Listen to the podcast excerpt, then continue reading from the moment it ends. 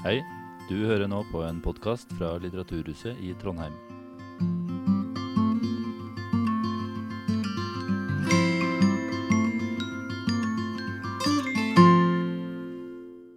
Velkommen til dere alle sammen. Mitt navn er altså Jo Skårderud. Jeg er journalist i avisen Klassekampen, og jeg skal lede oss gjennom denne samtalen som skal vare maksimalt til klokken ti, som altså skal handle om transrettigheter, og ikke minst debatten om transrettigheter. Og for å diskutere dette veldig eh, interessante temaet, så har vi fått to veldig kunnskapsrike paneldeltakere som kjenner problemstillingen godt fra flere ulike hold. Og det er jo altså da Tuva Djervøy, vær så god, Tuva, du kan få komme opp på scenen, som er journalist, medieviter og som også først i moden alder endelig kunne leve som seg selv. Og hun har i mange år jobbet i kulissene for å øke forståelsen for transkjønnedes levevilkår. Og så vil jeg at vi ønsker velkommen til Anki Gerhardsen, som er en kjent journalist, kommentator, redaktør for debattarenaen Lytring, og som også har vært eh, medlem i Ytringsfrihetskommisjonen og stått ja, da, i flere vanskelige debatter, bl.a. Eh, denne. Eh, min plan den er at det ikke kommer til å være noe roping, skriking eller kjefting fra publikum eller eh, noen andre. Vi skal ha en nettpå og hyggelig samtale. Først så skal vi diskutere temaet her oppe en stund, og så kommer jeg til å åpne for korte innlegg eh, og spørsmål fra salen eh, mot slutten av programmet. Og måten dere tegner dere til eh, innlegg, det er ved å gjøre sånn. Det bare gir meg signal, så skal jeg, så skal jeg ordne det. Um, altså Jeg har lyst til å starte kvelden egentlig med å, noen minutter med deg først, Tuva.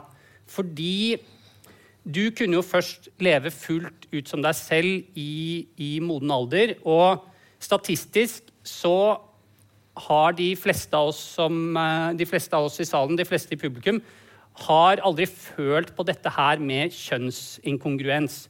Så jeg håper, Kan ikke du fortelle litt om deg selv, og hva det har innebært for deg å føle på dette med kjønnsinkongruens? Ja, jeg jeg heter Tuva Gjervøy og er kjønnsinkongruent. Det er noe jeg ofte starter med når jeg, når jeg introduserer meg selv.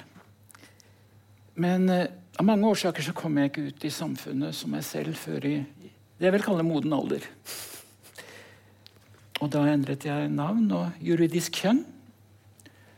Og det er en eksistensielt forankret beslutning. Altså beslutning. Den var allerede tatt da jeg ble født. Men jeg kunne ikke gjøre alvor av det før i moden alder. Nå er kjønnsinkongruens en eh, diagnose, i motsetning til det brede begrepet trans, som dere kjenner til. Altså det som dere blir introdusert for og invitert til her. Og I og for seg så kan det også omfatte meg. Men jeg er først og fremst et menneske. Og jeg vil ikke bli kategorisert og gjort gjenstand for dehumaniserende omtale fra dem jeg kaller de andre. i gåtsøyne. Og Slikt skaper frustrasjon og sinne, eller aktivisme hos en del. Men jeg foretrekker debatt framfor transfobstempling og kanselleringskampanjer. Og når jeg snakker om kanselleringskampanjer, så gjelder det begge sider. Her er ingen unntatt. Jeg kan komme inn på det etterpå. Men siden tidlig barndom så har jeg følt tilknytning til et annet kjønn enn mitt biologiske. Og i dag så er det Internett og sosiale medier som pekes ut som den store årsaken til den tilsynelatende jeg bruker ordet tilsynelatende økte forekomsten av kjønnsinkongruens. Men da jeg vokste opp på 1950- og 60-tallet, så var det ingen sosiokulturelle trender, det er et annet uttrykk som brukes, som kunne forme meg. Og identiteten min skyldes heller ikke det noen i dag hevder er selviscenesettelse. Det er også i anførsel. Eller påvirkning av en i anførsel trosoppfatning. Da jeg var barn, i tidlig barndom, så lurte jeg på om jeg var den eneste som kjente det slik. Hos meg manifesterte det seg veldig tidlig. Det var det første minnet faktisk fra femårsalderen. Og det var et tungt og tabubelagt spørsmål å bære alene for et barn. Så det som skjedde, var jo at desperasjon desperasjon vokste. Jeg kom i puberteten og så at kroppen utviklet seg i feil retning. Jeg visste jo at det var mulig å gjøre noe med situasjonen min. Det, jeg var ganske tidlig intellektuell moden og, oppfattet det, datidens mer sensasjonspregede fortellinger om det man da kalte kjønnsskifte. Som vi i dag kaller kjønnsbekreftende behandling. Men jeg kunne først sette ord på det som, som var meg som voksen. Og det, og det, er rett og slett at psyken den stemmer ikke overens med kroppen. Og jeg var et psykiatrisk kasus inntil ganske nylig. Det viste kildene som jeg fant senere i livet. Og det var en fellesdiagnose som som sagt sto ved lag inntil ganske nylig. Men i den grad det er nødvendig, så foretrekker jeg betegnelsen kjønnsinkongruent om meg selv. Og Begrepet kjønnsmangfold det favner alle mennesker som ikke identifiserer seg med fødselskjønnet sitt. Om jeg sier transperson i denne samtalen, så er det ikke noen forskjell på, forsøk på noen streng distinksjon, noen, noen forskjell, egentlig. Og jeg, jeg stiller opp her jeg måtte gå en runde med meg selv, eller tre. Jeg stiller opp her og er forberedt på angrep fra dem som representerer ytterfløyene i den såkalte transdebatten. Jeg kaller det den såkalte transdebatten, for er det en debatt? Det kan vi komme tilbake til etterpå. Men jeg er ingen objektiv observatør. Håper, men det jeg faktisk håper å få nå fram med, er budskapet mitt til de jeg kaller de andre. De empatisk innstilte de andre. Og de fins. De som er åpne for at aksept av kjønnsmangfold ikke innebærer en trussel, men et løfte om et varmere og inkluderende samfunn. Et samfunn der alle mennesker aksepteres som den de er, og der vi er like mye verdt.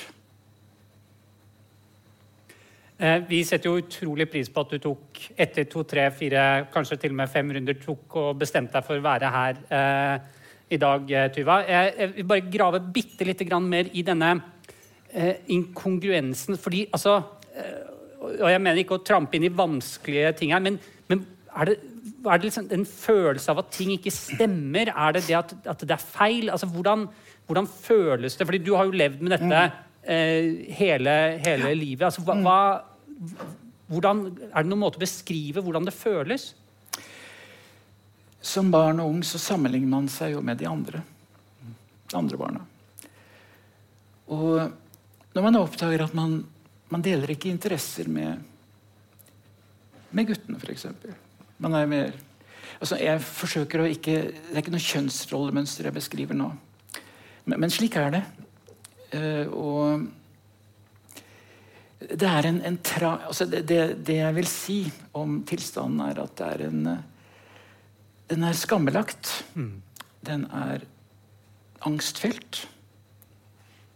Og det har ridd meg gjennom hele livet. Og man er ensom i følelsen sin. Og, og det, den diagnosen som jeg snakker om nå, det er det vi kaller kjønnsdysfori. Mm. Ja. Som er at man klarer ikke å leve med det kjønnet som man har tildelt ved fødselen. Som det heter. Jeg foretrekker, Det er en terminologi som brukes tildelt ved mm. fødselen. Jeg foretrekker heller å si at jeg er født som gutt. Det, det, blir litt enklere å forholde seg til. Jeg vet at det er mye terminologi der ute. ja, det er mye terminologi, ja. Og den, den, skal vi forsøke å unngå nå. Ja. Men uh, skal, Vi skal videre til liksom selve debatten snart, men jeg, jeg, må bare spørre, fordi du eh, Det er jo ikke mange år siden du eh, kunne leve som deg selv.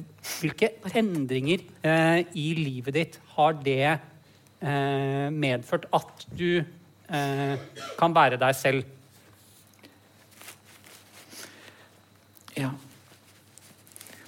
da jeg endelig tok beslutningen. Altså det, det, jeg kan si, er at uh, jeg har vært veldig nær mange ganger til å kunne gjennomføre det jeg ville. Men det har alltid vært hensyn til de andre, og nå mener jeg andre nær, nære relasjoner, som har holdt meg tilbake. Så jeg har vært underveis siden uh, ja, første gang i 72, faktisk, i Sverige. Og det har men det har alltid vært ting som har gjort at ting Det har ikke vært mulig. Og mange vil sikkert spørre meg hvorfor har du ikke gjort det før. Og det, det er årsaken. Altså det er hensyn til andre.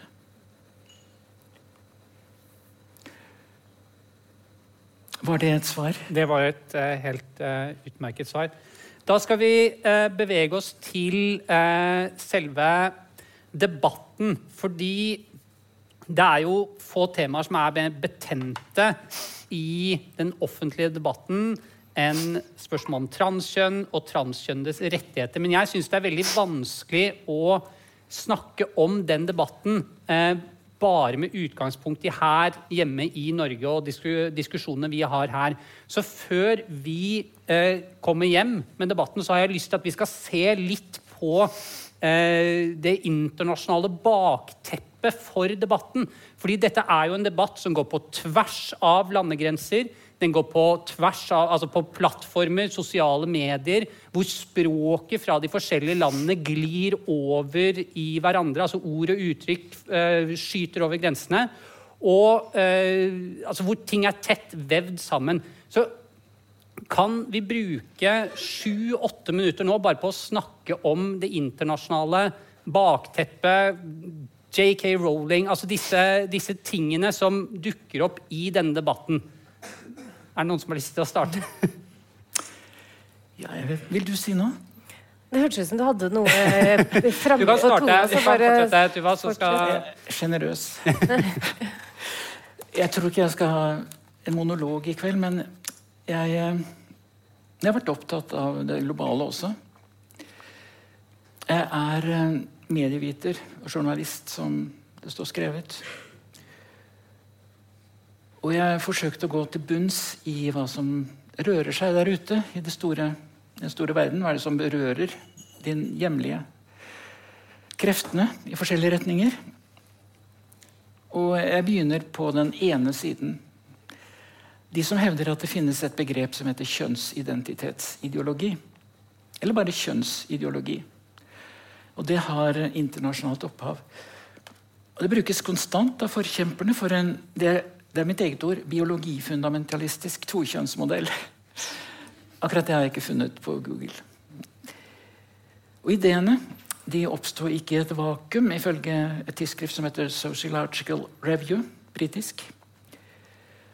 Og Det er et dogmatisk syn som spres globalt, og den katolske kirken var tidlig ute med å å gi uttrykk for at ideen om kjønnsmangfold det er en trussel. Og nå kommer det noe som da dere sikkert kjenner igjen. Trussel mot kvinner, barn og unge. Og samfunnet. Og Det er det amerikanske The National Catholic Register som skriver om det her. Og De skriver også om at pavens holdninger blir godt tatt i Det skriver de ikke. det er Min kommentar er at pavens holdninger de blir tatt godt imot av høyere radikale, autoritære regimer.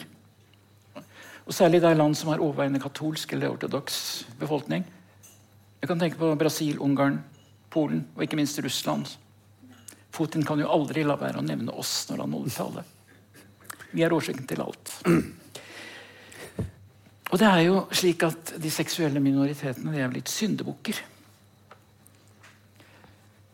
Som som andre grupper i andre urolige tider i historien. Jeg skal ikke gå i detalj, men dere skjønner kanskje hva jeg mener. Så vi trengs til avledning hos de autoritære regimene som må holde folket i sjakk. Og minoriteter er jo skapt for slikt. Så Russlands president mener at vestlig dekadens har ført oss på villspor. Han har det siste tiåret slått hardt ned på LHBT pluss-befolkningen i landet. De eksisterer ikke lenger. Segregering og stigmatisering det er altså ord jeg gjerne bruker, er stikkord for utvikling der. Utviklingen i Russland, som i stadig flere land, dessverre. Det er veldig foruroligende å se. Så når man dykker dypt inn i dette, så er det klart at man kan bli man, man kan bli mismodig, men vi, vi kan jo ikke gi opp.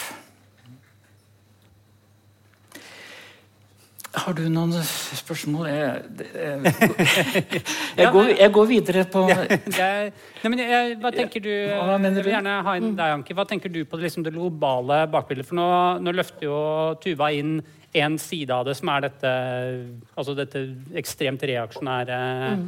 uh, autoritære regimefortellingen. Hva tenker du om det? Det er en del av, mm. av, in, av det internasjonale bildet. Andre Ja, men Jeg bare må si at det er jo en veldig presis beskrivelse. Bare for å ha sagt det med en gang. Eh, men det er jo eh, noen andre på den andre siden, hvis vi ser for oss en slags sånn midtlinje her, da. Mm. Som eh, også har en veldig autoritær tilnærming, totalitær tilnærming, som ikke vil ha diskusjoner utenfor et veldig sånn mm. begrensa premiss. hvor Mm, hvor det er mange ting som skal være under kontroll. Språket, mm. begrepsbruk. Eh, og hvor eh, jeg da har vært opptatt av å se at det har innskrenka samtalerommet i veldig stor grad. fordi at hvis man stiller spørsmål ved noe mm. som helst da knytta til det jeg vil mm. kalle har ideologiske eh, Om ikke det er et, eh, en reinhekla ideologi, så ser jeg ideologiske strømninger i det. Hvis man stiller spørsmål ved det, så så blir det ganske dramatisk, da. Men, du, men ja. la meg bare stoppe deg, for nå, vi, nå er det to Vi snakker om to uh, ulike misforstå meg liksom autoritære sider her, men mm. altså sånn den autoritære antitransfolkene ved pave, Putin og, og, sånt noe. Og du snakker om eh, altså autoritære trekk du ser i i det, det, som nå, skal jeg være forsiktig med å bruke et uh, uttrykk, men altså det vi kan kalle transaktivisme eller kjønnsideologisk uh, uh, miljøer. Er det Blir det Ja, det er riktig. Ja, ja. Det er. Jeg er bare opptatt av at man skal adressere det autoritære uansett hvor mm. det oppstår. enten det er på, til høyre eller til venstre eller i, vind, mm. i andre typer grupper. Men hvordan arter det seg, hvis vi holder oss litt sånn utafor Norges grenser, hvordan arter det du, det du, snakker om nå, hvordan arter det seg i andre land som vi ja, altså Jeg følger ikke veldig godt uh, den faktiske debatten mm. i andre land. Jeg leser i mediene hvordan den beskrives. Mm. Sånn at jeg skal være veldig forsiktig med å eh, oppkaste meg til en, sånn, en som kjenner det veldig godt. Men eh, jeg har jo lest om det, hørt noen podkaster. Og og fulgt den norske debatten veldig mm. tett. Da. Så jeg, den, er bare, den, er hardere mm. og farligere og mer smertefull mm. og mer ja, også voldelig. Mm. Så der, sånn sett så er vi jo heldige som mm. vanlig i dette landet her. Mm. Men uh, det du kan se, det er altså den smitten, da, den kan man se i, um, i språket. Det er ikke engang oversatt til norsk. Og så er det uh, det jeg pleier å beskrive som en sånn global, digital fe eh, fellesskap eller strømninger som gjør at det som står på spill i USA eller Canada eller hvor det måtte være, det liksom adopteres ja. inn som om det skulle være fullstendig kompatibelt med norsk virkelighet. da. Ja. Ja, og... Så kampene kommer på en måte kommer... De, de er parallelle. Ja. Mm. Og jeg kan ikke si meg Jeg er enig med deg. Ja. Jeg vi snakker jo om en kulturkrig om identitet. Mm. Og det er jo en aksjon og reaksjon. Ideologi og dogmatiske holdninger i ytterkanter på begge sider. Så kampen står jo med å gjøre radikale holdninger til mainstream. Mm. Uansett hvilken side man snakker om. Og at den blir akseptert av folk flest. Det er jo det som er viktig. Så har vi woke-begrepet. Vi kan ikke unngå å nevne det. Nei.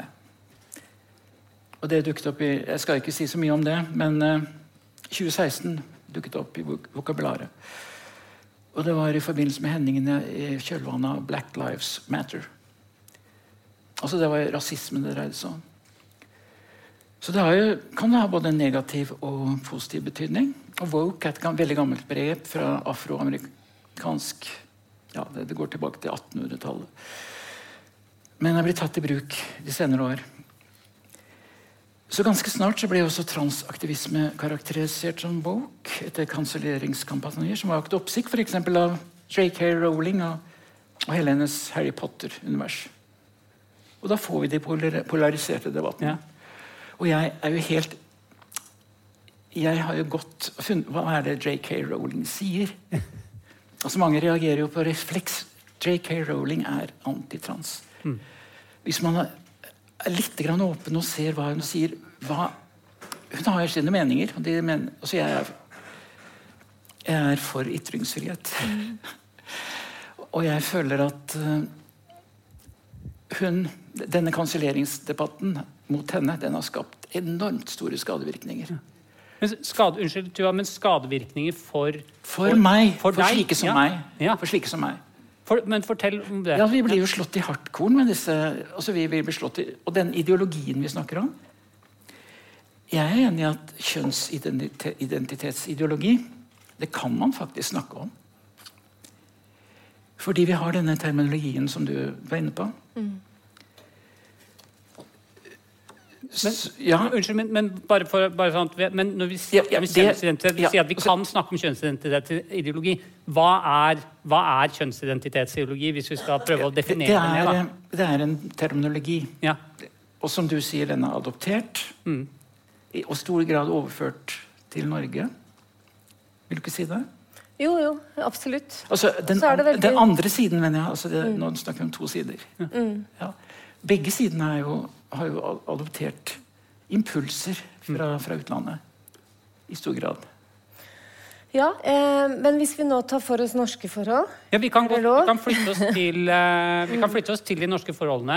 eh, Ja. For dette Så- glir jo litt sånn som at debatten glir over grensene, så er jo dette her Mm. Dette er jo gjenkjennbart fra her hjemme i Norge òg, er det ikke det? Jo, jo, absolutt. Og eh, disse Jeg har ikke deltatt i så mange sånne scenedebatter om dette feltet, men jeg har jo skrevet mye og stått i debatten sånn sett. Men det som jeg reagerer litt på, det er at det beskrives som om eh, ja, denne debatten er så betent, det er voldsomt polarisert, det er ytterfløyer som på en måte er like gode begge to. Jeg er ikke enig i det. Eh, jeg er enig i at det er eh, eh, ytterliggående holdninger mm. på begge sider, og at de som eh, er eh, Ja, som har eh, eh, Hva skal jeg si eh, Trasige holdninger overfor mennesker med kjønnsinkongruens absolutt fins. Men forskjellen, slik jeg ser den, ligger i hvem er det som forsøker å stanse samtalen. Og eh, så langt jeg har klart å observere Du får rette på meg, Tuva, hvis jeg har gått glipp av noe, eller du for den del. Så er det eh, en liten, høylytt gruppe av transaktivister som bruker denne autoritære verktøykassa. Som tar kontakt med arbeidsgivere, mener at folk må miste jobben. Eh, forsøker å hindre den offentlige debatten. Jeg var selv invitert til å være med i en NRK sending i fjor under en sånn debattvignett som het 'Uenige'. Og det valgte jo NRK å legge ned fordi at det var så voldsomt påtrykk fra liksom denne høylytte, lille gruppa. Eh, Så, så der mener jeg at det er en forskjell, og den syns jeg at vi som samfunn skal adressere. Hvis vi sier at ja, her er alle like ille, så er vi i hvert fall ikke spesielt opptatt av å ta vare på ytringsfriheten. Da er vi mest opptatt av å liksom ikke ta stilling til hva det er som skader muligheten for en diskusjon, da. Men Tuva, du skal få si du jeg- skal, ja. ja. ja, ok. Tuva, ja. Jeg, er ikke, jeg mener ikke at alle At begge sider er like ille. Altså det er, at det er helt kompatibel. Det Det jeg tror Kan vi vende litt tilbake til den globale etterpå? Ja, ja det kan, vi kan absolutt vende tilbake. Men jeg, kan jeg bare si én ting på først? For det da, fordi jeg, jeg hører hva du sier, Anki, men mitt inntrykk da, Nå prøver jeg å holde meg så mye unna Twitter som overhodet mulig, men mitt inntrykk er at det er eh, solid gjørmebryting på, altså på, på, Nå snakker jeg om ytter. Mm. er med her, da. på. Det er jeg enig i. eh, nå snakker jeg om ytterkantene, men mitt inntrykk er at det er solid gjørmebryting på, Mm. på begge sider. Og gjensidige politianmeldelser og, og altså Det er harde, harde tak. Altså. Så jeg vet ikke om jeg uten videre skal Mm. gå med på, eller vil eh, gå med på at den ene siden er eh, noe kvalitativt eh, Men det er jo ikke altså sånn Det er ikke, det, det er ikke helt det jeg peker på. Jeg sier ikke at uh, her er det god og saklig debattkultur. Det er ikke det jeg snakker om. Eller uh, hva slags argumenter Mm. som legges på bordet, eller graden av uh, hva skal jeg si, ondskap. Det, det jeg er opptatt av, som er veldig Mm. opptatt av ytringsfrihet, det er hvem er det som forsøker å stanse samtalen? Mm. Som forsøker å hindre den andre parten, aktivt hindre den andre parten å komme til orde. Og der mener jeg det er en kvalitetsforskjell. Og det eh, bør man påpeke. La meg komme med et eksempel som understreker det du sier. Det er langt ute i papirene mine. Det er veld- det er veldig mye jeg skulle ha sagt fram til da. Nå har vi hoppet over Det er lov til å hoppe. Det er lov til å hoppe Er det, er lov til å hoppe? Ja, ja, ja. Det, du er jo opptatt av barn og unge. Ikke sant? Og, Det var jo utgangspunktet for at jeg engasjerte meg, egentlig. og det er jo egentlig to debatter. Det ene er debatten om barn og unge og behandlingen. Som du er blitt kansellert for. Ikke sant? Jeg har ikke kansellert, Ja, men men jeg har fått, jeg har fått eh, noen eh, stått i noen litt ubehagelige ubehagelige situasjoner. Med de samme gjengen, tenker jeg, som går igjen. Jeg tror jeg vet hvem det dreier, dreier seg om. Men eh, Og så er det den andre. Det vi snakker om, det er jo de transkvinnene som blir angrepet av de som kaller seg venstre, venstresidens eh, lesbiske feminister. De seiler under et feministflagget, pleier jeg å si. Så jeg har en del å si om det. Og det har noen jeg siterer også. Men det er et ferskt kanselleringseksempel som understreker det du sier, som jeg gir deg her og nå. For det er jo slik eh, altså Jeg syns det er vanskelig å gå inn i debatten om kjønnsinkongruente barn og unge. Altså Det er det det dreier seg om. akkurat dette. For jeg er ikke objektiv. Men selv har jeg aldri vært i tvil om identiteten min. Men eh, det er jo en del transaktivister som angriper når de ser at det minste tegn til at noen vil så tvil om at alle som ønsker det, må få helsevesenets hjelp med en gang. Øyeblikkelig. Og det er den alarmtilstanden den konstante og, og nedrakkingen av Rikshospitalet som jeg tror gjør så godt de kan. Jeg tror de har pasientenes ve og vel i tankene, men de, de er veldig overbelastet. Og Det er jo en del tall som vi kunne komme tilbake til, som vi- viser økningen akkurat i den sektoren. Men jeg oppdaget nylig et uh, kanselleringseksempel. Det er Skeivt arkiv ved Universitetet i Bergen som delte et debattinnlegg i Bergensavisen av professor emerita Kirsti Malterud på sosiale medier. Jeg vet ikke om dere kjenner Skeivt arkiv, men det ligger ved Universitetet i Bergen. Og Det var på deres Facebook, og de skrev Det var i begynnelsen av september. dette skjedde. De hadde en kommentar 'interessant lesing'. Og så skriver de dette ble oppfatta som problematisk av mange, og vi beklager at vi gjorde dette. Og da slettet de lenken til debattartikkelen. Jeg må få lov til å gå litt inn på innholdet i den, Ja, du kan få lov til for å forstå, at dere skal forstå hva jeg mener. Det Malterud gjorde, var at hun pekte på at helsemyndighetene i Finland, Storbritannia og Sverige, uavhengig av hverandre, har utarbeidet gode, systematiske oversikter over forskningslitteratur om hormonbehandling av mindreårige. Og Det er gjennomgått studier om effekter og bivirkninger, mental helse, selvmordstanker, livskvalitet. Kjønnsdysfori, skjeletthelse, psyko psykososial modning, stoffskifte, lengdevekst, seksualitet, fruktbarhet. Et enormt register. Som transaktivistene, de mest iherdige, er villige til å overse. Så skriver eh, Malterud at vi vet faktisk ikke om behandlingen forebygger selvmord, deduserer kjønns kjønnsdysfori eller gir bedre helse for mange nok. Forskningen sier heller ikke hvem som ville hatt vedvarende kjønnsinkongruens, eller hvor mange som avbryter behandlingen. En rekke enkeltstudier er identifisert, men få av disse holder vitenskapelige mål for effektstudier. For hormonbehandling ved ikke-binær kjønnskongruens er forskningsgrunnlaget omtrent ikke-eksisterende. Vi skal ikke komme inn på ikke-binære tror jeg, i denne sammenhengen. i noe særlig grad. Men, Eller altså, dette her er jo ikke sant, Det som Tuva snakker om nå, var jo eh, bakgrunnen for at jeg gikk inn i denne debatten her eh, for alvor i 2018. Da satte jeg meg grundig inn i forskningslitteraturen, og jeg ble ganske rysta over hva jeg fant. Og at pressen i så liten grad hadde pekt på de her dypt problematiske og veldig farlige sidene ved en så inngripende behandling. Ehm, så det er, liksom, det er det som hele tiden har vært mitt hovedfokus. Hvem som går i hvilke garderober, har ikke jeg brydd meg om. Nei, jeg nei. anerkjenner at andre vil debattere det. Men for min del har ikke det vært så viktig, da.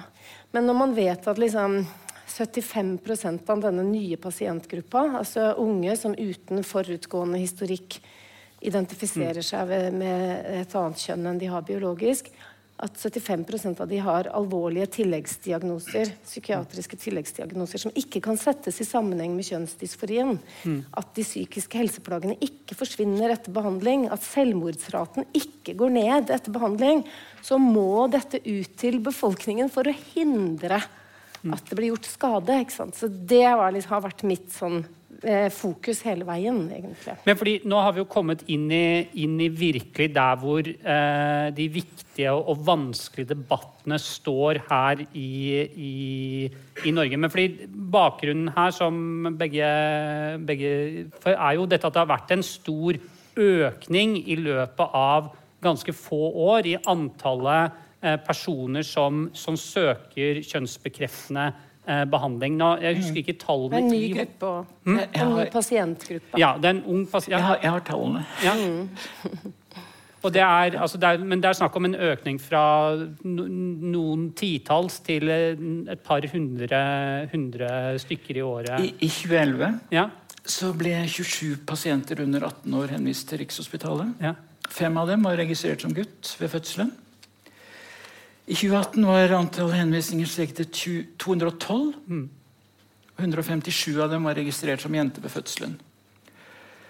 Og Fordelingen av de 268 henvisningene altså Da er vi oppe i 268. Ja, Fra, ja. fra 2011 var det 27. En tidobling. Det viste at det bare 70 av disse 268 gjaldt dem som var registrert som gutt ved fødselen. Og hva er årsaken til dette? Man må jo være interessert i å prøve å finne Ja. ut. Altså, man kan ikke Jeg er jo interessert i å altså jeg, Som jeg sier, jeg er ikke objektiv, men jeg vil gjerne forsøke å finne ut hva det dreier seg om. ja jeg har spørsmål. Det er Anki. Ja, men jeg har et spørsmål til deg, Tuva. Hva tror du er grunnen til at eh, du, da, som er eh, kjønnsinkongruent, mange andre som er kjønnsinkongruent, som deler den bekymringen som du nå skisserer, hvorfor, hvorfor se, hører vi ikke de stemmene i media? Hva tror du er grunnen til det? Det tror jeg er redsel for eh, reaksjoner. Fra sine egne, liksom? Det kan være redsel for reaksjoner. Altså jeg er jo, som jeg sier Jeg er jo engstelig for at alt det jeg sier, kan bli brukt mot meg. Mm, Ja, men Er du redd nå for at, at du står her oppe på scenen og Nei. snakker om dette, at du kan få Nei, nei. tyn etterpå? Jeg, det er en tanke som Ja. jeg kan leke med, Ja. men som eh, Det kan jo være at de føler at de ikke har ordet At de ikke har nok kunnskaper. At de er, hvis de går inn i en sånn debatt, så må de faktisk ha gode argumenter, underbygge, og ikke bare komme med Altså Vi har en del, del standarder, altså, som transfob på ene siden og kjønnsidentitetsideologi. Så mellom der så må det jo være en debatt som har innhold. Det er mulig at de føler at de ikke har noe å bidra med, men jeg tror redsel også for å stikke seg ut er en, en del av det. Men, men for vi snakker jo her om en, en mangedobling eh, i tall, eh, henvendelser, i en ganske ung gruppe eh, i løpet av ganske få år. Men vi snakker jo fortsatt om en gruppe en veldig liten gruppe målt i befolkningen. Noen, altså vi er en, et land på noen fem-seks millioner mennesker. og Vi snakker fortsatt om 200, nei, 300, 300 i året eh, henvisninger. Altså, så det er jo ikke eh, på den måten veldig, veldig stort. Er det virkelig så grunn til å være så bekymra for, for, for dette? Ja, altså, Ja, ja. altså mm, Hvis vi tenkte at eh, eh, barn med leukemi, da Ja. At man driver med eh, behandling av barn med leukemi eh, uten å ha eh, forskningslitteratur bak mm. den medisi de medisinene man setter i gang med, eller eh, kjenner til konsekvensene av de medisinene man bruker, så spiller det jo ikke så rolle om det bare er 200 barn i året som har leukemi. Det ville vært en katastrofe. Eh, håndtering fra pressens side. ikke sant? Eh, Og hvis man da så at det fikk liksom svært uheldige konsekvenser etterpå, så ville det vært altså, et voldsomt ramaskrik. Men her har man en helt annen tenkning i bunnen. da. Og det kunne jeg jo snakket lenge om, hva, det, hva det kommer av. Men du, du har selvfølgelig rett i at det er en liten gruppe. Men det er allikevel eh, å utsette folk for en voldsom helserisiko på veldig mange områder som, som det har vært vanskelig å komme gjennom med. da. Men ja, Tuva, vær så god.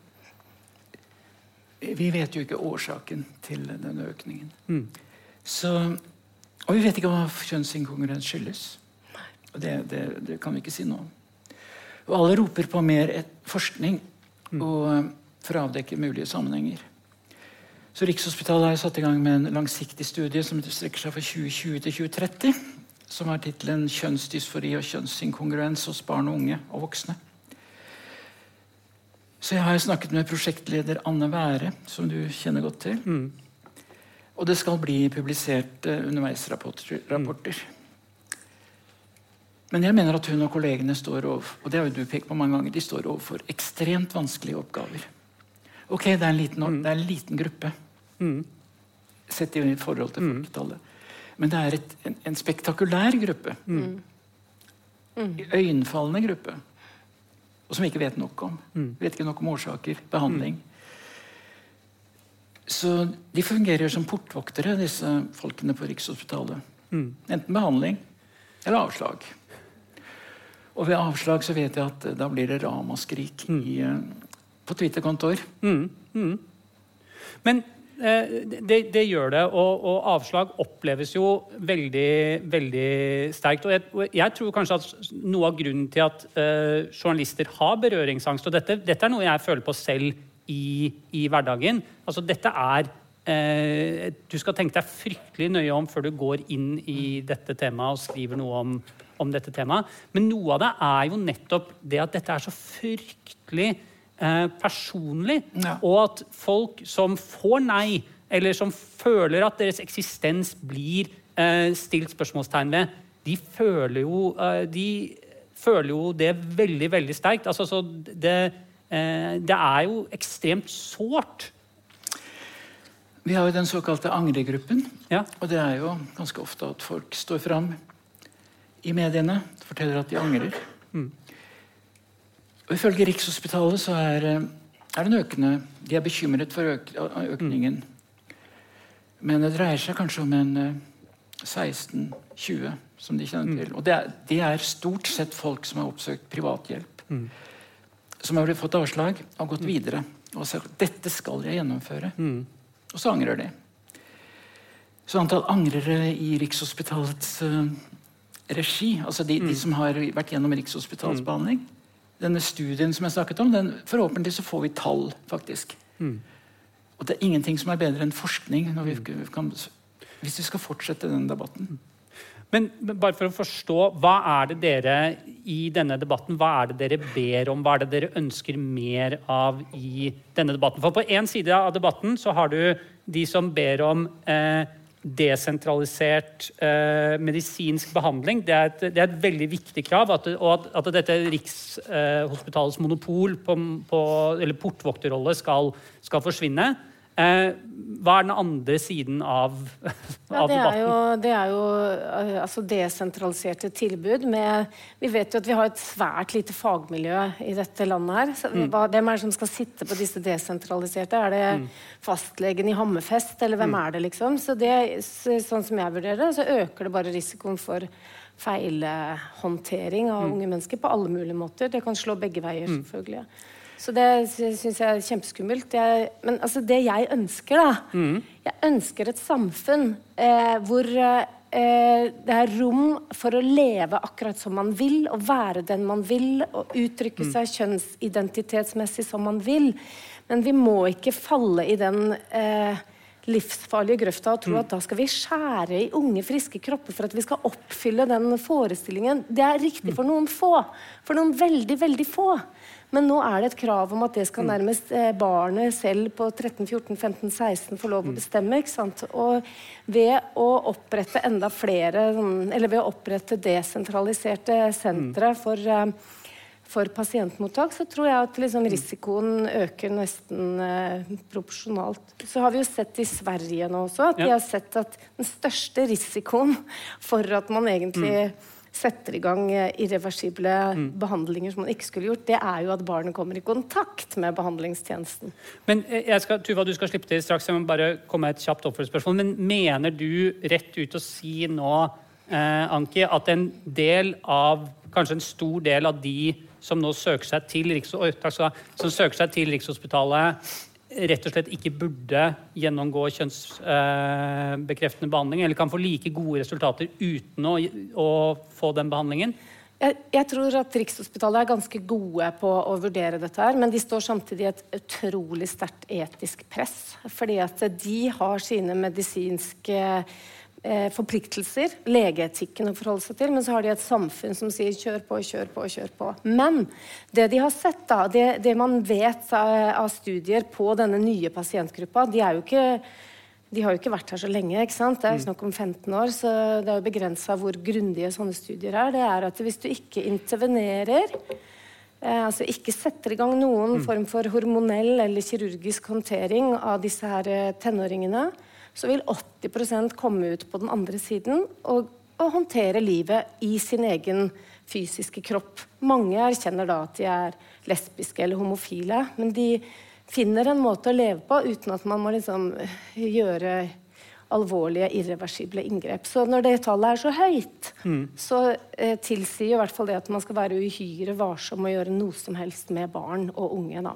Mm, Hvor setter du, eh, setter du grensa? Hvor er barn og unge-grensa? Fordi det er jo et, Ja, et pubertetsproblematikk. Nå, nå sier jo Ukom også, ikke sant, en Du må, du må si hva Ukom er noe. det er jo en undersøkelseskommisjon som på eget initiativ undersøker Mm. helsetjenestens kvalitet. De sier jo at eh, kunnskapen er så lav at man bør ikke gjøre noe som helst inngripen hos mennesker under 18 år Mm. uten at det er som en del av et forskningsprosjekt. Altså, Det skal være helt unntaksvis at man skal gjøre noe som helst, og det støtter jeg. Men jeg sier jo ikke 100 Nei, nei. men som hovedregel. da. Tuva? De følger jo den svenske linja. Svenskene var eh, veldig liberale i mange år. Men eh, i 2020, var det vel, så de så, så gikk de inn på den linja at vi snakker om utprøvende behandling av eh, barn og unge. Så det skal følges opp av forskning til enhver tid. Og det er jo den linja som Ukom også går inn på. Men det er jo uenighet i de norske fagmiljøene. Helsedirektoratet kom med retningslinjer for kjønnsinkongruens i eh, 2020. Der kom de, lanserte de disse regionale sentrene som mange har ropt på. Og som ikke er realisert i noen særlig grad. Det er kanskje ett som er realisert i Vestfold. Ikke helt og fullt. De kan eh, ikke gjennomføre kirurgi. Og, og det er dette monopolet på Rikshospitalet som mange transaktivister da angriper. Men eh, da disse retningslinjene kom i 2020, så var jo Folkehelseinstituttet de var negative. Fordi De- de mente de, de var for det var liberale, eller for eller, Det var, det var uforsvarlig, det var riktig. de, de mente at de var for de, For, for liberale. ja. Altså at Helsedirektoratets Ja. retningslinje for behandling er, var medisinsk uforsvarlig, skrev Folkehelseinstituttet. Men, men hvordan, hvordan kan Helsedirektoratet sine retningslinjer være helsemessig ufo... Altså, Fordi de ikke lener seg på medisinsk kompetent fagfolk, men på aktivistene. Det er min påstand. Det er din tolkning. Jeg ser litt annerledes på det. ja. Og jeg ser også annerledes på Jeg sier jo at jeg ikke er objektiv. Og jeg kan ikke fordømme altså jeg, jeg kan ikke gå inn i livet til alle disse unge. Det, det er veldig enkelt for en som står utenfor, som ikke har kjent på kjønnsdysfori, å si at ok, du kan gå ut. Gå ut i livet. Vær den du er. Men ikke gjør noe. For all del, ikke gjør det med kroppen din. For all del, ikke søk hormoner. Det, er- det er veldig enkelt å si for den som, som ikke har vært der i den situasjonen. Så jeg står i to leirer. På den ene siden er jeg fullstendig enig med deg at det trengs forskning. Og den, det eksempelet, Dette kanselleringseksempelet jeg viste til, det er jo helt meningsløst. Det er helt... Og det er, men jeg oppdager jo Jeg kjenner jo igjen navnene etter hvert. Og vi snakker om Tordenskjold-soldater. Ja, du tenk, nå er tenker du i debatten Nå tenker jeg på begge sider. Det er Tordenskjold-soldater. Det er de samme som går igjen. De, å, de roper høyt. De ønsker å gi inntrykk av at de er mange. Ja. Refererer til hverandre på Twitter-kontoer hele tiden. Og kommer med veldig sterke påstander. Og det, det gjelder begge leirer. Det kommer veldig sterke påstander. Jeg kan referere Ja. noen fra en, en sak som eh, som går litt inn på, på ditt felt. Du har jo vært medlem av, av Ytringsfrihetskommisjonen. Og, og hvis vi går inn på paragraf 185 etterpå Men, men kanskje vi skulle ta lov om endring av juridisk kjønn først. Vi ja, har jo en viss... I den ekstreme kortversjonen, men ja. men, men jeg tror vi tar det etterpå. Jeg, jeg, jeg trekker det akkurat nå. Men, men fordi, fordi det, det, jeg syns dette er veldig, veldig interessant fordi når vi snakker om nå, nå bruker vi jo mye tid på dette her med behandling av unge, og det syns jeg er, er riktig av oss å gjøre, for jeg syns det, kjempe, jeg synes det er kjempeviktig og kjempeinteressant. Men det er jo en sak fylt med dilemmaer, for jeg forstår dette her med at vente på forskning, ha forskningsgreiene. Samtidig er det jo individer som føler veldig sterkt, som har, kan ha 100 eh? Altså, dette er ekte følelser. Og, og en del søker jo behandling illegalt også. Altså at du, ved å ikke gi behandling, så åpner du opp for, for skadelige, skadelige sidekonsekvenser. Og nettopp det, når det Tuva sier her, med at det, du da kanskje får en debatt hvor det ikke er noe rom i midten for å diskutere, når er, dilemmaene er så vanskelig, det burde jo tilsi nettopp at vi kunne løfte fram alle de stemmene som befinner seg mellom eh, gjørmebrytinga, skyttergraven altså, eh, ja, Ja, Hvis ikke så får jo eh, de som skal fatte beslutninger, et altfor tynt grunnlag å fatte de beslutningene på. Og samfunnets eh, oppfatning og forestilling om hva som er rett og feil, blir også basert på et veldig veldig tynt grunnlag. da. Men jeg tenker at eh, ja, det er selvfølgelig riktig at det er et påtrykk. Men det som er veldig viktig å ha present her, at den pasientgruppa som har en eksplosiv vekst, det er jenter. Altså biologisk fødte jenter som ikke finner seg til rette i sin kropp. Hvorfor er det en sånn kjønnslig slagside? Det må man stille spørsmål ved. Eh, og det andre er at de har ikke en forutgående historikk. Altså Tuva, du beskriver jo at du allerede som et lite barn opplevde en veldig sterk kjønnsdysfori. Denne gjengen her sånn har ikke det bakteppet. Det oppstår i 12, 11, 12, 13, 14-årsalderen. Og da må bare alle alarmklokker ringe. Eh, og det betyr jo ikke at man ikke skal yte omsorg. hvorfor, eller at, hvorfor må, du, må alarmklokkene ringe fordi, for at det er 12, 13, 14, 15? fordi det er irreversibelt. Ja. Fordi det er irreversibelt. Du, eh, hvis du går på disse hormonene over tid, så minsker jo sjansen for å kunne få barn senere i livet umiddelbart, f.eks. Pluss at det er de konsekvensene, medisinske konsekvensene som Tuva ramsa opp i stad. Så det er så dramatisk, ikke sant. Eh, Men, men eh, du skal få slippe til, Tuva, men er ikke også konsekvensene ved å vente potensielt dramatiske? Altså at, at, at transisjonen blir mer krevende hvis du har gått gjennom uh, pubertet, så er det, er det vanskelig Altså Er ikke det et element jo, også? men eh, det, eh, sjansen for at man gjør skade, må veie tyngre, tenker jeg. Så du tenker et slags føre Ja, men det er jo særlig Jeg, jeg er veldig opptatt av at det kommer fram her nå at jeg snakker om en spesifikk pasientgruppe. Mm. sant? Unge jenter, biologisk fødte jenter som uten forutgående historikk får det for seg at de bør endre kjønn til gutt, og det gjelder i hele den vestlige verden. Og, og det er liksom altså Det går ikke an å underslå at det Eller la være å undersøke om det kan ha noen andre forklaringer enn jeg holdt på å si, en alminnelig kjønnsdysfori. da. Tuva? Ja, jeg er enig i det. Det er veldig slående. Jeg refererte jo tallene, og det ser denne kurven som går opp. Man må jo stille spørsmål hvorfor er det slik. Og det er et uhyre vanskelig spørsmål. Men, men det, det, betyr jo ikke at man ikke Man må jo forsøke. Man må gjøre det. Men det er helt riktig at uh, det finnes en forskjell blant den som oppdager at de er trans, som det heter, i uh, tenårene, mm.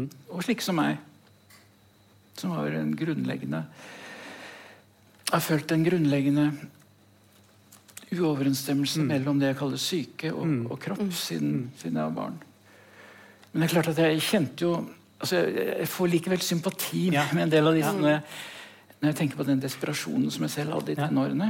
Når uh, livet gikk forbi meg. Ja. Det skjønner jeg. Det skjønner jeg. Ja. Så, så, det er denne dualisme dualistisk holdning mm. til det. Mm. Men, men, kanskje den dualistiske holdningen kanskje er nettopp det som trengs eh, mer av i debatten? Altså, at, altså hvis du, hvis du altså jeg, jeg, hadde jo en samtale med deg før dette her, uh, Tuva. Det, var, det var så slående når, når vi snakket sammen, at det var du fortalte ikke hele livshistorien din, men en, en god Det var så slående at det var så gjennomgående gjennom hele livet ditt. Det var liksom så ikke noe tvil, da. Mm. Uh, det var uh, ja, det, ja, Jeg vet ikke, det bare gjorde ja. inntrykk på meg.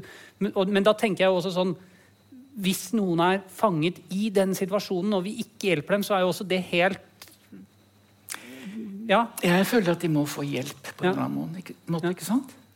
Altså ikke den hjelpen kanskje som de altså det, Dette med hormonblokkere, f.eks., det, ja. det er veldig alvorlig. Ja. Det er når man oppdager at det kan skade benbygningen i, eh, ja, pubertetsblokkere. I, i pubertets. Så jeg, jeg må, igjen har jeg en dualistisk holdning. Jeg skulle mm. svært gjerne startet med hormoner og hormonblokkere da jeg var tidlig i tenårene. Ja, fordi du søkte jo, men, du søkte hormonblokk... Altså du, du... Ja, nei, det var litt Det var, ikke, ikke, det var senere. Ja. Ikke i tenårene. Da var det ikke noen sånne tilbud. Men uh, i hvert fall ikke som var veldig godt kjent. Nei. Men, uh, men det er problematisk, og det vet jeg at en uh, Harry Benjamin ressurssenter. Mm. Og Harry Benjamin ressurssenter, det er et, de, et trans... De, er, de bruker ikke det begrepet. Oh, nei, de bruker, nei, de bruker vel kjønnsinkongruent. De er kjønn... De, ja. For all del. Kjønnsinkongruent. Ja. Mm. Så, så, de er veldig bekymret. De, deler, din, de deler din bekymring. Mm. De og de er, derfor er de uglesett i andre Ja, De har blitt beskyldt for å være transfober. Liksom. De er transfobe. Mm. Så sånn, altså Det er en splittelse innenfor disse organisasjonene som er ganske bred. stor. Jeg tror ikke jeg vil nevne organisasjonene, for da blir det enda Vi trenger ikke å, trenger ikke å gå inn på Men Harry Benjamin kan du jo Den kan jeg godt si. Ja. At jeg, jeg er medlem der. Ja. Og de har hjulpet meg. Så ja. Jeg forsøkte å hjelpe dem i fjor da de mistet, plutselig mistet statsstøtten. De hadde jo en 2,7 millioner i statsstøtte. Ja. Plutselig ble det forsvant det. Da skulle alle søke Det var veldig mange organisasjoner ja. som ble rammet. Ja. Så jeg skrev et, et skriv til, uh, til, helseministeren og til uh, komiteen. Mm. Som jeg fikk svar på også. Mm. Hvor jeg lurte på hvorfor de, hvorfor de trakk inn mm. støtten til denne organisasjonen som faktisk den eneste som mm. Så jeg skrev ikke at jeg, at jeg, følte at det var den eneste seriøse, men uh, i hvert fall, de har arbeidet i så mange år. De ble stiftet rundt uh, eh, 2000. Og det var et tidspunkt da Rikshospitalets uh, tilbud plutselig ble lagt ned. I 1998 var det vel, så var det mm. ute av funksjon i to år. Mm. Og de de ble stiftet på, på, det grunnlaget for å få mm. det opp igjen. Og de, de har æren for at Rikshospitalet kom i gang igjen. Ja. Så de har uh, en solid bakgrunn. Fikk de støtten? De fikk støtten, men dette er jo, det er mange, mange ja. organisasjoner, som, organisasjoner som har vært igjennom det. De må gå lange runder, ja. mye usikkerhet. Og så får de støtte. Men, men, men, hvis vi kan prøve å, å, å, peke ut løsninger her, da, for det kan jo hende at det er noen politikere som får høre på podden og sånt. her. Men fordi her, sånn som jeg oppfatter dere, så mener dere at desentralisert behandling ikke er en, er en, god løsning, fordi behandlingen ikke vil være Eller det er i hvert fall ikke en optimal løsning. Og at dere tenker et slags sånn fagmiljø rundt Rikshospitalet bør være, bør være navet i det. Men er det da en løsning med en, en betydelig styrking økonomisk for eksempel, av det behandlingstilbudet? Altså at vi kaster flere fagfolk, flere forskere? altså at vi, at vi gjør gjør det mye større, da, sånn at vi får de der tallene dere mener må, må på bordet, og at eh, folk får behandlingstider som er eh, fornuftige. Er, det en løsning? Spør du meg? Ja, jeg spør deg, for eksempel, og jeg spør begge to. Ja. Em, jeg er opptatt av at det fagmiljøet som skal jobbe med dette, her, både forskningsmessig og i form av pasientbehandling, skal være så kompetent som overhodet mulig. Samtidig så skal vi ikke gjøre det sånn at Eller signalisere som samfunn at dette her er veien å gå.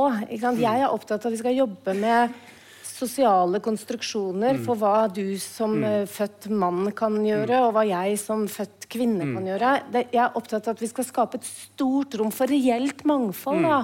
Altså hvis hvis eh, dattera mi helst vil leke med våpen og kjøre traktor og hater dokker, så skal ikke Ja. jeg si men vet du hva, da er du sikkert en gutt.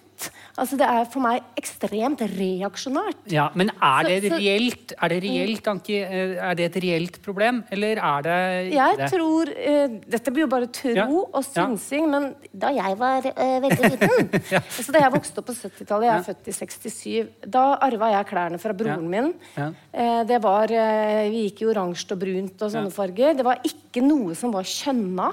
Mm. Og så har vi jo nå i 20 år eller noe sånt, altså Du kan ikke kjøpe en refleks til barnevogna uten at de spør i butikken om det er gutt eller jente. Så det Mm. er liksom blitt veldig sånn kjønnsorientert og kjønnsfokusert. Kanskje skaper det også en, en opplevelse for mange barn og unge at de passer bare ikke inn i disse kategoriene. Det vet jeg ikke. Jeg bare tenker at et samfunn som er så besatt av hva som er feminint, og hva som er maskulint, og hva som er rett og feil, får, får sånne type rekyleffekter. Kanskje. Hva tenker du om det, den analysen, eh, Tuva? Ja, det må jo være et nederlag for feministene. Mm. Eller for eh, alle som har slåss for et, et samfunn som ikke skulle være kjønnsrollebasert. Men, men jeg tror at, eh, at Jeg tror ikke at det er så veldig mange som sier at de plutselig oppdager at eh, jenter leker med med, med den slags leker, gutt går med den slags klær. Mm. Altså Jeg kjenner tilfeller hvor gutter i barnehagen de får lov til å gå med kjole. Mm. Og det gjøres ikke noe stort nummer av det. Foreldrene setter ikke noe press. Mm. Gutten har, vil gjøre det. Og sannsynligvis, kanskje, Mm. om en fire-fem år så, så går ikke gutten lenger i kjole. Men han må gjerne fortsette. Men, men jeg tenker at det er ikke noe automatikk i akkurat det der. Mm. Hvis man trekker altfor hurtige konklusjoner, så kan nok det virke skade, skade Det kan være skadelig. Å føre noen barn over i det som behandlingstrengende, som kanskje ikke er Kanskje. Alt dette er jo synsing. Vi er jo ikke noen Ja, det er det. Men, men hvis vi ser litt sånn Du trakk jo fram eh, Sverige og Ja. England, og, altså, som nå trykker, har trukket i nødbremsen for lenge siden. Ikke Ja, fordi de, Der har det blitt innstramninger i Ja. regelverkene. Der har det blitt innstramninger, og eh, eh, altså den svenske varianten av NRK har jo lagd flere dokumentarer. Første gangen de lagde den såkalte Transtoget, så hadde de med én angrer som var sledda. Ja. Nå kom de med en ny dokumentar eh, for noen uker siden. Eh, Der var det et stort antall mennesker som står fram med ansikt og forteller. Men, men stort antall, da er det jo fortsatt i Ja, men Det er jo en bitte, bitte fem- liten pasientgruppe. ja, og så må ja. du jo huske på det at du angrer jo ikke dagen etterpå. Nei, det er det nei. ene.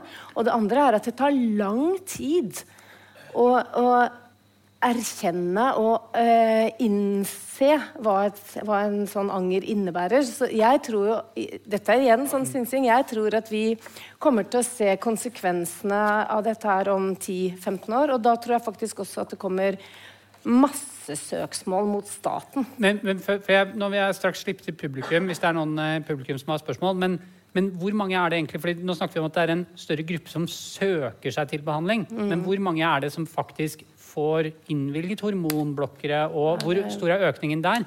Det veit ikke jeg. Kanskje du vet det, Du, jeg, jeg vet det faktisk ikke. Nei, vi, vet ikke det. Det, det jeg vet, er at Men det, vet, det er bare å kontakte Rikshospitalet. Ja, ja, ja, ja, ja, ja. Men så er det jo alle som ja. går til de private. Jo, Eller til helsestasjonen i Oslo, så får de ja, men det er jo der. kjempeinteressant. Altså, som eh, de tallene, de tallene jeg re- re- refererte til, det er jo Ja. folk som får behandling. Og det er folk som får, folk som da, får da beklager jeg, for da er det jeg Det er mange, Det er folk som får behandling. Det er mange, mange Det er tusen mange, Vi snakker om tusen Ja. søkere.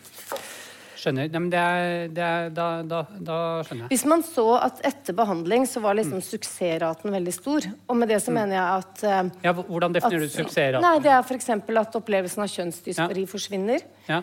At de psykiske plagene blir betydelig letta. Mm. Og at selvmordsforekomsten går ned. Det er jo en helt klar overhyppighet av selvmord. Selvmordsforsøk i denne gruppa her. Men den er på linje med det man ser i den delen av populasjonen som har syk, store psykiske Ja. plager. Bare sånn at det er klart. Men vi ser ikke den ønska suksess altså, Det er ingenting i forskningen som tyder på det. Som jeg sa i stad, så så man nå i en studie fra 2013 til 2017 at to tredjedeler av de, pasient, eller de med Ja. kjønnsdysfori som eh, tok livet av seg, hadde fått behandling. Men, men bare eh, Hvordan hvis, hvis man la seg på en restriktiv linje, da, si, at man, si at man la seg på en mer restriktiv linje, hvordan kan man unngå at man da ender opp med at folk som, eh, som har hatt eh, Som Tuva, som opplevde dette her fra, fra femårsalder, hvor dette, har vært, hvor, hvor dette har vært veldig sterkt veldig lenge, og det er veldig det vet at det er feil. Hvordan kan man unngå at vi ender opp med at eh, folk som Tuva ikke får nødvendig, eh, helt nødvendig behandling eh, i et sånt regime? Fins det, noe- det noen måte man kan sikre det på? Kanskje Tuva har noen gode svar på det. Ja, men altså, det, det er jo veldig vanskelig å skape et system som er helt sånn eh, vanntett og optimalt. Men ikke sant? Ja. Mm. igjen, denne pasientgruppa som jeg har hatt fokus på, med den eksplosive økningen, har altså ikke hatt en barndom preget av kjønnsdysfori. Ja. Det har debutert i tenårene. ja. Så det kan være et kriterium å Kanskje, se hvert fall om for er litt strengere at- hvis folk Jeg tenker at debuterer. her kan det ja. være andre forklaringsmodeller. ikke sant? Ja. Tuva, hva tenker du om Ja, først må jeg gå tilbake på Jeg leste mine egne notater. Det er antall henvisninger vi snakker om. ja. Dette skal jo leve for evigheten i podkast. Vi må være korrekte. vi har gitt, vi har, Det er lov til å gå tilbake etterpå og si sånn Jeg har vært fornøyd. Jeg, jeg retter meg selv nå. Ja. Det er henvisninger. Ja. Men det er jo mange mange andre som vil ha behandling. Ja. Som går til leger, fastleger Mm. osv. Så, videre. så dette er henvisninger direkte til Så hvordan skal vi styrke den bemanningen? De er jo Det er veldig lange ventetider. Mm. Det øker hele tiden. Nå er det opptil seks måneder mellom samtaler. Mm. Så, så Og det, det er tungt for folk med de derre det er veldig tungt, men jeg, jeg har ikke noen oppskrift på det. Jeg, jeg tror ikke det var an å, å bygge et nytt rikshospital bare for denne gruppen. eh, bare Kjapt Tuva, og så skal Ja. jeg slippe til publikum. Ja. Ja. Nei, Eh, kjapt okay. Anki, men unnskyld. Eh, det, det er bare det at det er mange mennesker Mm. med helsebehov som står i kø. Ja. Bare sånn at Det er klart. Ja det er jo ikke sånn at dette er den eneste gruppa som ikke får behandling i det tempoet som hadde vært fint og ideelt. Ja. Vi må ikke glemme det, da.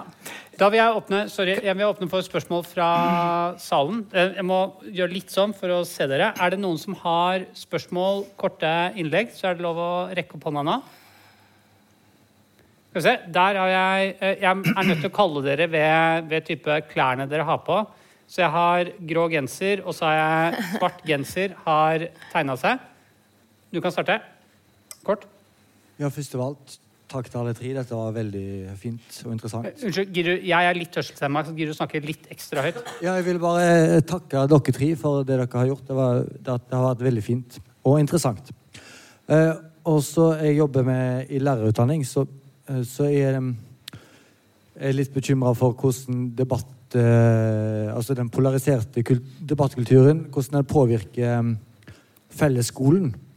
Og eh, fordi det er jo en, en god del som av eh, religiøse eller feministiske eller biologiske grunner eh, ikke kan kompromisse på en slags grunnleggende tokjønnsmodell. da. Mm. Men jeg tror en stor majoritet av de igjen vil anerkjenne et kjønnsmangfold og et mangfold i kjønnsuttrykk.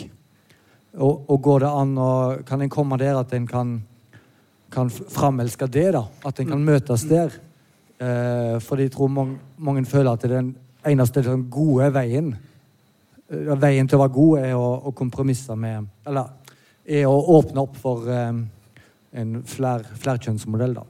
Men kan jeg bare stille et oppfølgingsspørsmål før panelet svarer på spørsmålet ditt? Opplever du som lærer i skolen at dette er en, er en, uh, utfordring at elevene uh, krangler om dette, eller at dette blir en ting mellom elevene?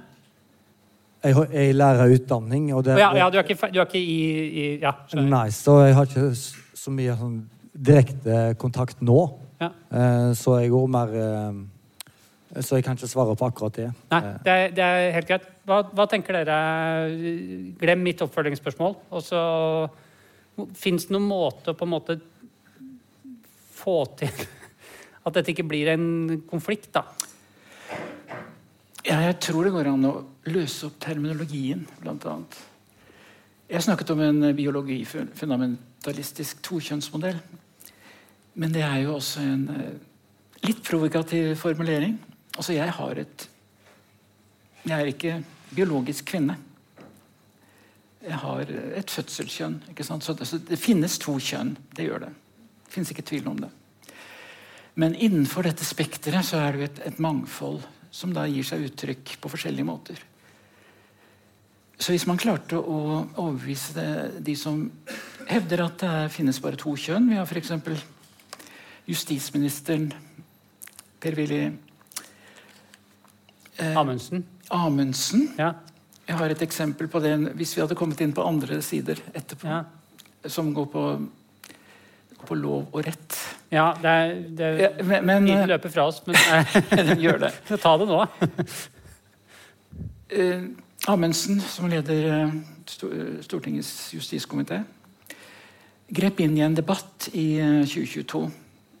Og det dreide seg om eh, grove angrep på en ansatt i FRI fra, fra en gruppe som seg som seiler under feministflagget. Så han eh, gikk inn og sa at det, det, er, det er ikke straffbart å, å komme med en objektiv sannhet, at det finnes to kjønn, mente han. Så viste han til hatparagrafen som man kaller 185, som han, han og noen få til, Senterpartiet bl.a. var imot. Utvidelse i 2021 av vern, lovvern av kjønnsidentitet og kjønnsuttrykk. Så, så ja, det finnes to kjønn. To. Og, og, men skal vi bare skal vi bare kategoriseres etter kjønnsorgan? Det er jo det som er spørsmålet. Og der har vi jo biologer som ofte griper inn, som er uenige på hver sin side. Jeg har en biolog som, er, som var enig med, meg, men jeg vet at det er mange biologer som hevder at nei, man kan ikke snakke om noe mangfold. Det er over- Overhodet ikke. Og det er et vanskelig spørsmål, og jeg tror man skal komme dem som i møte, på en måte. Hvis det er mulig å komme i møte og i dialog og diskusjon hva det dreier seg om.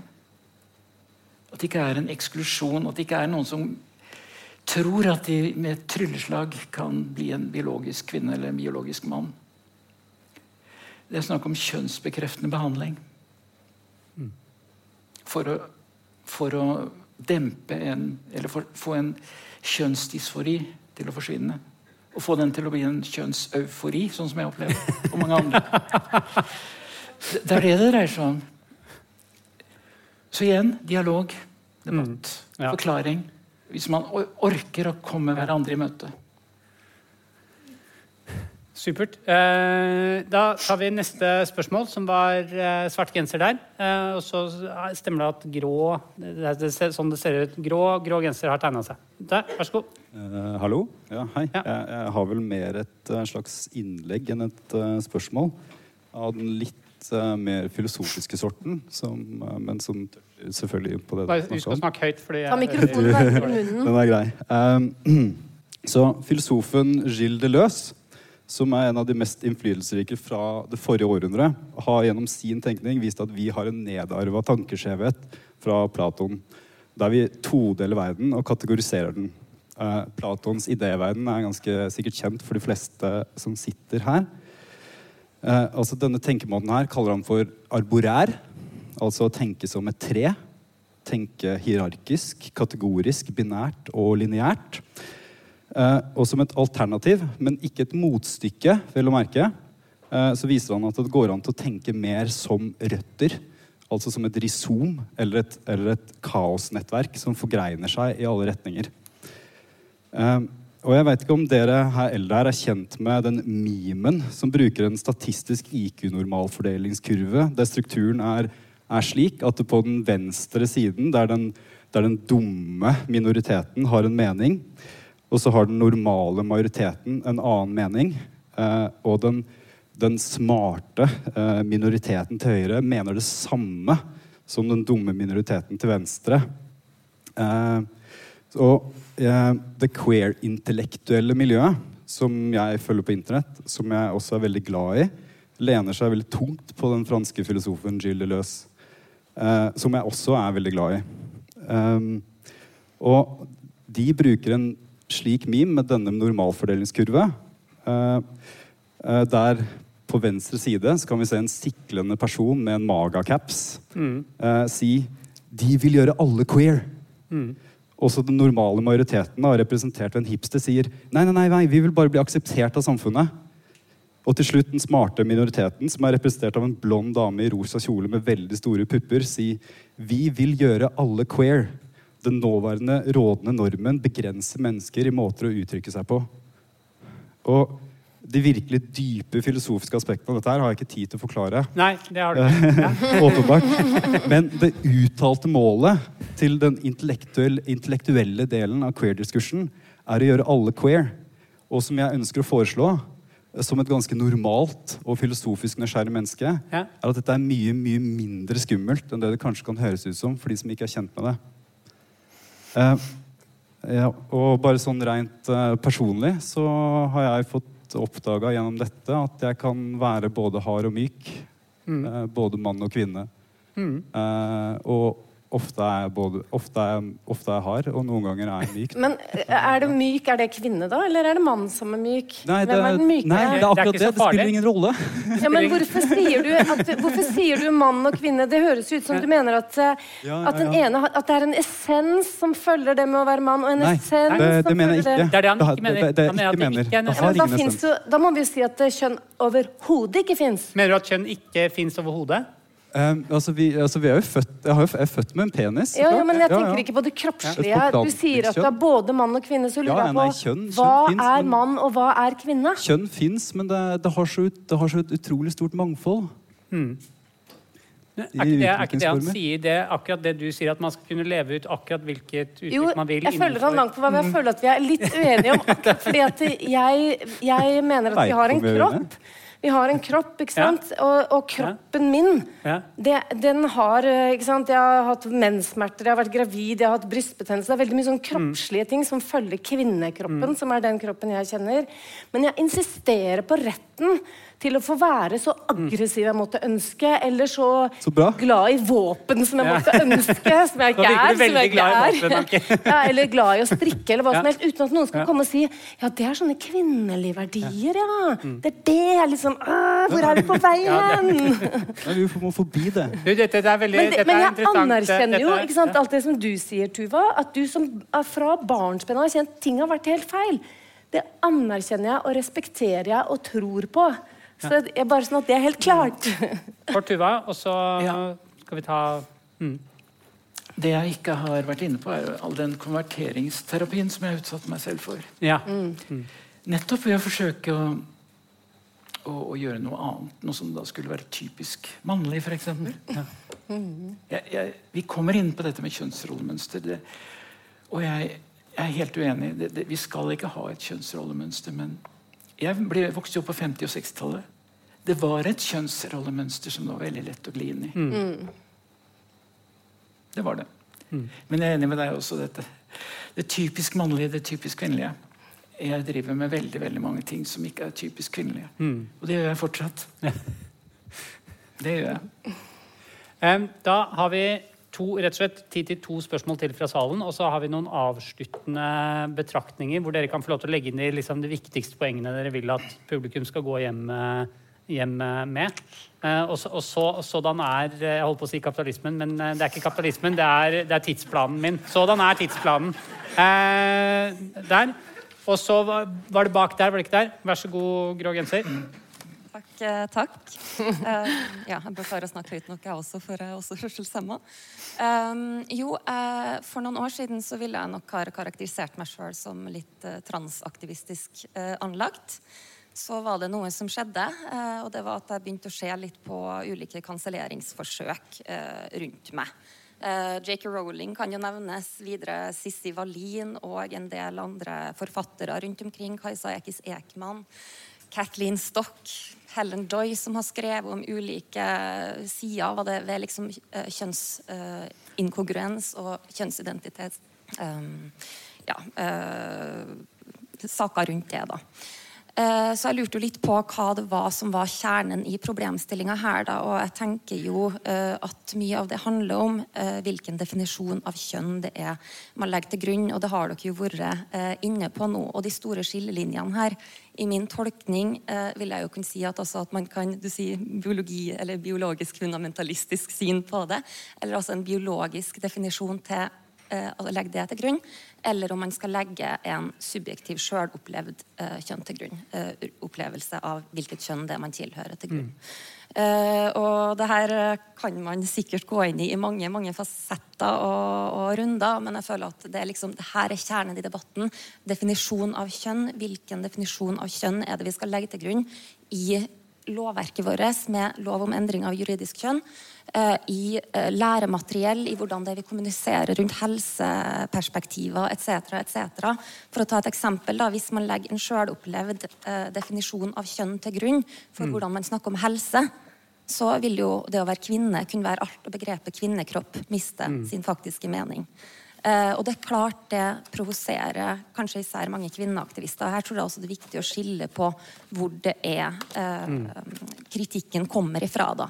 Det er en vesensforskjell uh, på det kvinneaktivistiske eller feministiske innfallsvinkelen til eh, kritikk av, av, eh, kjønnsidentitet som definisjon på kjønn, og den typisk konservative, som altså dere nevnte, div, autoritære krefter rundt omkring her. i verden. så du vil ikke bli kobla sammen med Orban og Putin og, og sånt nå? Eh, nei, har du lyst til det? nei, nei, nei, nei, altså sånn altså du, ja. ja. Men, ja, og jeg, jeg, tror jo det er liksom den, den brunbeisinga her som man, som man, lett ser, da, eh, som, som, pågår. Og, og, det er noe jeg liksom har kanskje tenkt å skal sende fra meg mikrofonen, da, om det her er en virkelighetsbeskrivelse eh, som resonnerer med eh, panelet. Eh, eller, eh, eller, ikke. For det, det er min oppfatning eh, vært nå. Tuva? Sommeren 2016 så vedtok Stortinget lov om endring av juridisk kjønn og stiller ikke diagnose, til diagnose, inngrep. Noen hevder at det er, at det er faktisk bare at man kan sende en søknad. Men hvor mange gjør det uten at de har en god grunn? Det er noen tusen, par tusen som har gjort det. Og det dramatiseres veldig. Og dette, Det var en ulovhjemlet praksis som lå til grunn før, om at man skulle steriliseres. og den europeiske menneskerettsdomstolen mm. slo fast at det stred mot menneskerettigheten. Mm. Så derfor, og det er jo særlig Høie, den forrige helseministeren, som gikk i bresjen for dette, og det gikk gjennom ganske raskt i 2016. Mot Fremskrittspartiet, mot Senterpartiet, tror jeg. Mm. I hvert fall Høyre var med. Det var jo, de var jo, Høie var jo Høyre. Så det var en, en unik uh, hendelse i, i, mm. som er ganske Det, er en del, noen få andre land i verden som har det slik. Mm. Det er selvbestemt kjønn, som du mm. kaller det. Og det, det, er jo det som de jeg kaller antitransaktivister ofte, de som seiler under feministflagget, som jeg kaller det. De, de henger seg opp i dette. Mm. Men ikke bare dem. Det var to jusprofessorer som dere kan finne navnet på ved å gå til en artikkel publisert i Lov og rett i fjor vår. Som skrev en artikkel som het 'Menn i damegarderoben?' spørsmålstegn. Og Der drøftet de utfordringer i kjølvannet av loven om endringer av juridisk kjønn. Og de, og det var det som fikk meg til å bli interessert i denne artikkelen, for så vidt, de mener at kjønnsidentitetsideologien langt på vei er akseptert av lovgiver. Og De ser store problemer knyttet til dette. Og det som jeg synes var spesielt, at de to jusprofessorer, akademikere, gamle, nesten emeritus Emerita, emerita unnskyld, begge er kvinner. At de bare Og de argument trakk inn ekstremt mye fra den, denne antitrans-siden i denne artikkelen sin. Helt ukritisk. Mm. Så jeg, jeg, ble helt Jeg ble lamslått av å se det. Det, var så, så, så voldsomt. Og jeg, så jeg føler at det, det, var en nedlatende holdning over det hele. De, de hadde noen sånne betraktninger som du har om dette med at man kan jo leve som meg selv. Man bruker, og det skriver, altså Professorene tror at lov om endring av juridisk kjønn kan ha virket mot det de oppfatter som dens hensikt Nå siterer jeg ganske nøyaktig fra mm. Å minske behovet for hormoner og kirurgi. Endring av juridisk kjønn kan være en spore til å be om kjønnsbekreftende det var, det, det var i anførsel. Ikke kjønnsidentitetsideologi, men kjønnsbekreftende behandling var i anførsel. Behandling. Og mens statusendringen tidligere var siste trinn i forløpet mot riktig kjønn, i anførsel, kan det nå være det første skrittet, mener de. Og Det syntes de var veldig problematisk.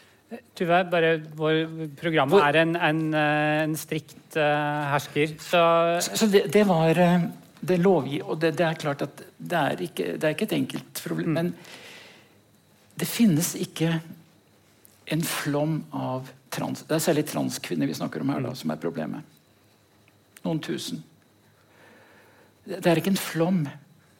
Og det, det, det, finnes ingen flom i damegarderober, mm. i Nei. toaletter, i, i uh, alle disse stedene. Ja, eller, eller, noen som ja. skifter juridisk kjønn for å kunne begå, begå overgrip mot kvinner. Det er noen som hevder det også. Mm. Så det, er, det er noen som har gjort det for å komme inn på studier. Mm. Ja, BI, var det eller noe sånt? Altså, det, det, er konspirasjonsteorier der ute, vil jeg kalle det. Jeg har aldri våget å bruke det i noen debatt, men da, det er, og på begge sider er det konspirasjonsteorier. Korte, ikke, da, tar vi siste, tar vi siste spørsmål vi rekker fra salen. Ja, uh, hei. Um, jeg vil bare poengtere det at hvis man ser på Rikshospitalen sine tall, så ja, det er en skjevfordeling i transgutter som um, søker behandling ved ungdomsdelen uh, av Rikshospitalet. Men hvis man ser på de helhetlige tallene, så er faktisk tallene ganske jevne mellom transkvinner og transmenn.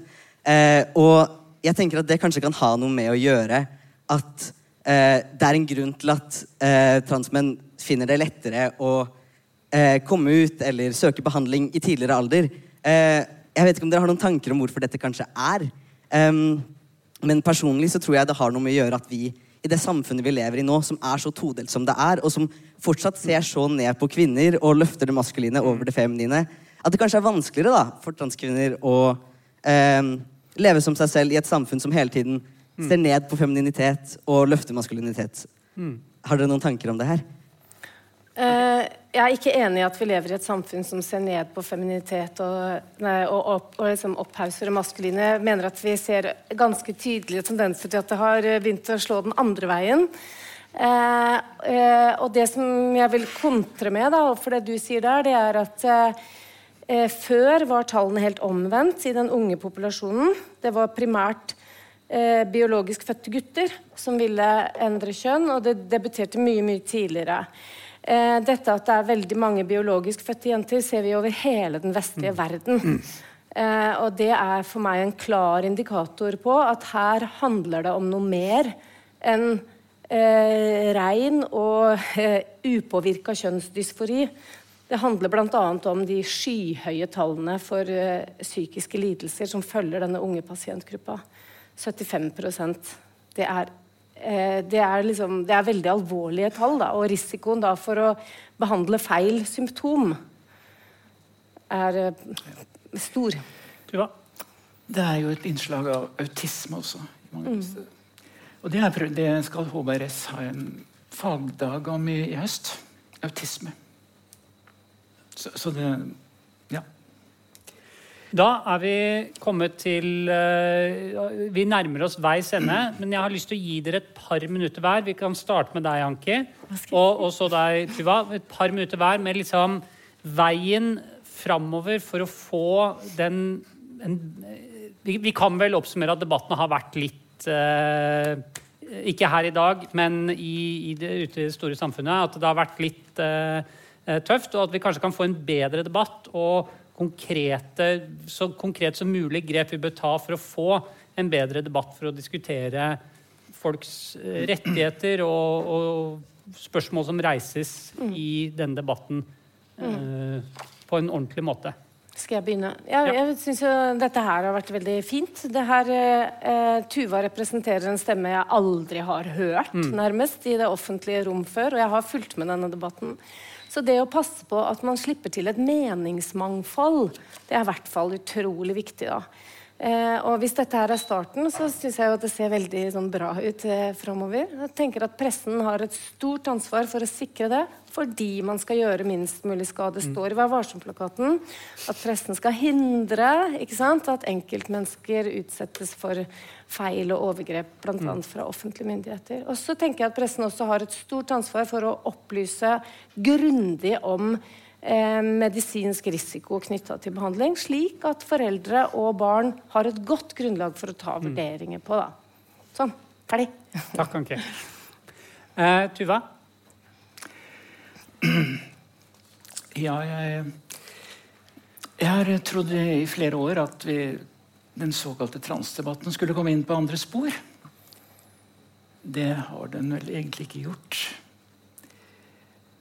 Men jeg tror at det finnes håp, og det, det eneste håpet er jo at disse dogmatiske og forstenede holdningene som finnes, og jeg må si at de finnes på begge sider, at de løsnes opp noe, at man ser på motparten med, med respekt, faktisk.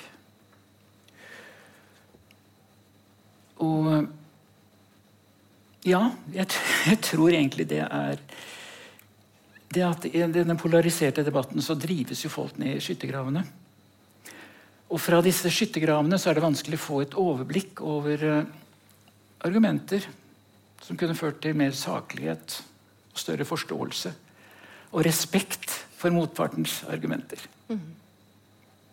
Jeg syns det er et helt utmerket sted å stoppe eh, denne samtalen. Tusen, tusen takk eh, til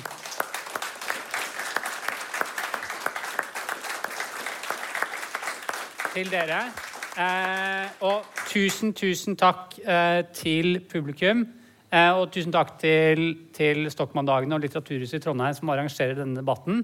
Eh, Anki Gerhardsen, du er her i morgen og holder foredrag. Tuva, du eh, har sagt at du kommer til å henge rundt i kulissene og, se på foredraget til Anki Gerhardsen i morgen. Så da er det jo mulighet for å møte og snakke og sånt noe. Så jeg tror jeg vi bare rett og slett sier tusen takk for i kveld, og takk for, takk for samtalen. Og takk til deg. Og, og takk til meg. Takk til meg. Ikke minst. Og takk til publikum. Ja. Ja, vi takker publikum, og tusen takk for gode